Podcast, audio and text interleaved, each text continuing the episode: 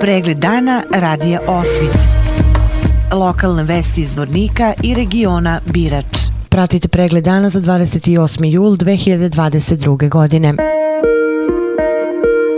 Saobraćaj se na području regije Birač odvija po suvim kolovozima i bez zastoja. Kada je u pitanju sadbevanja električnom energijom, danas do 12. časova bez električne energije bilo je oko 2500 kupaca u naseljenim mestima Branjevo, Donja i Gornja Pilica, Donji Srednji i Gornji Šepak, Donji i Gornji Lokanj i deo Glavičica. Vodosnadbevanje na području grada Zvornika bilo je uredno. U protekle 24 časa zabeležena su tri krivična dela u Srebrenici, a evidentiran je i jedan slučaj narušavanja javnog reda i mira u Bratuncu. Dogodile su se dve saobraćene nezgode u Gornjim Capardama i Đevanju u kojima je po jedno lice zadobilo telesne povrede. Jedno lice u Bratuncu iz Vorniku lišeno je slobode do otrežnjenja zbog vožnje pod dejstvom alkohola. Biometeorološka prognoza danas je nepovoljna za većinu hroničnih bolesnika, dodatan opres se savjetuje srčanim bolesnicima i astmatičarima. Od meteoropatskih reakcija moguće je glavobolja, nesanica, razdražljivost i pad koncentracije.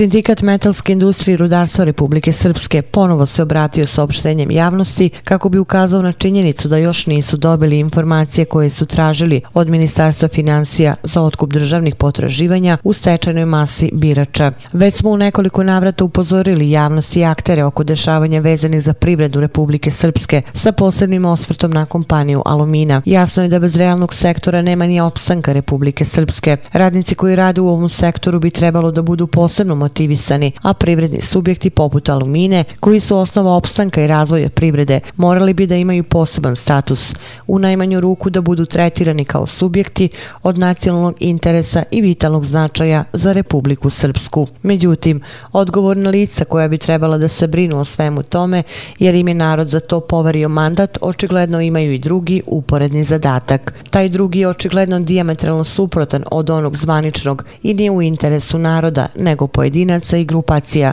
koji ili nisu svesni šta rade ili misle da mogu da rade šta hoće. Gledajući sve to uz svesnost da se radi o našim životima i sudbinama naše dece, nemamo pravo da ćutimo. Navodi se između ostalog u saopštenju. Saopštenje sindikata metalske industrije i rudarstva Republike Srpske u celosti možete pročitati na sajtu radioosvit.com.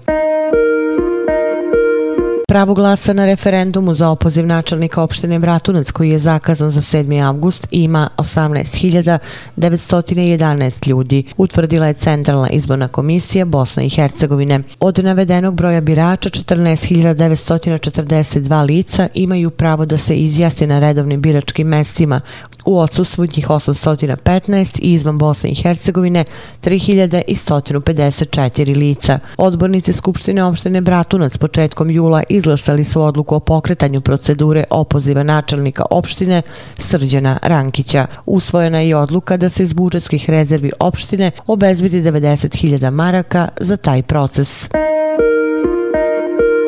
U Vlasenici su počeli radovi na rekonstrukciji gradskog trga i izgradnje spomenika poginulim borcima u 20. veku. Načelnik opštine Vlasenica Miroslav Kraljević, koji je prisustvovao početku radova, rekao je da je sredstva za rekonstrukciju trga i izgradnju spomenika obezbedila vlada Republike Srpske.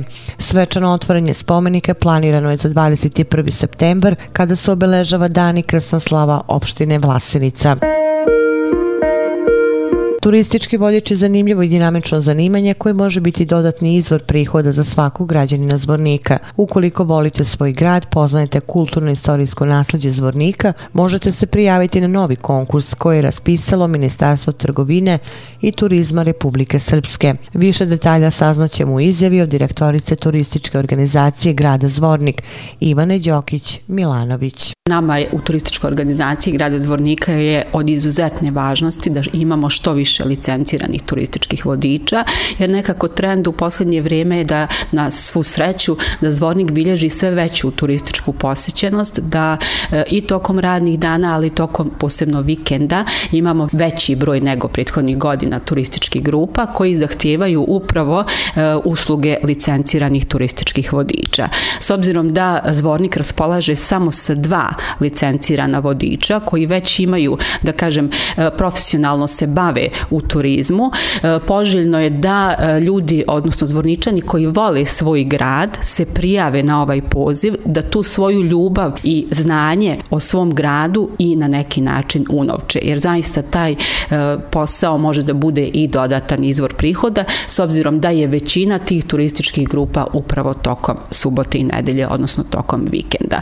Ministarstvo trgovine i turizma raspisalo je javni poziv za polaganje stručnog ispita. Uslovi poziva mogu da se pronađu i na zvaničnom sajtu ministarstva kao i na svim stranicama turističke organizacije. Ono što je važno da napomenem jeste da se prijava može dostaviti do e, 31. augusta. avgusta. Sama obuka samostalno da se neko prijavi ni malo nije e, jeftina i nije moguće organizovati pojedinačno. Juče su se dogodile dve saobraćene nezgode zbog gubitka kontrole nad vozilom. Prema saopštenju policijske uprave Zvornik, saobraćene nezgode su se dogodile na regionalnim putevima. U saobraćenim nezgodama lice TR iza smaka u Gornjim Cepardama i lice SŽ je u djevanju. Tokom vožnje izgubili kontrolu nad vozilima i zbog toga sleteli sa kolovoza, navodi se u saopštenju. Lice TR je zadobio povrede te je prevezen u bolnicu Zvornik radi ukazivanja lekarske pomoći gde je zadržan radi daljeg posmatranja. U drugoj saobraćenju nezgodi došlo je do oštećenja na vozilu, a vozaču je također ukazana lekarska pomoć u Zvorničkoj bolnici. Policijski službenici Policijske stanice za bezbednost saobraćaja Zvornik su vozaču TR izdali prekršajni nalog zbog izazivanja saobraćene nezgode. U Malom Zvorniku večeras počinje manifestacija Dani sportsko-rekreativnog i kulturnog turizma Drina je smisao života. Svečano otvaranje zakazano je za 20 časova i 30 minuta, tradicionalno na stadionu futbolskog kluba Jedinstvo. Ljubitelji narodne muzike moći će da uživaju u koncertu na kome će nastupiti Ljuba Aličić, Bojana Barjaktarević i Rade Kosmajac. Za sutra je zakazana 25. po redu Somovi Jada. Takmičenje koje okuplja veliki broj ribolovaca trajaće dva dana. Subota je rezervisana za još jedan koncert nastupit će Zorica Brunclik u pratnji Miroljuba Aranđelovića Kemiša i pevača Granda Miloša Vujanovića. U okviru manifestacije Drine je smisao života bit će održana tradicionalna malozvornička regata na Zvorničkom jezeru Velika reka Sakar.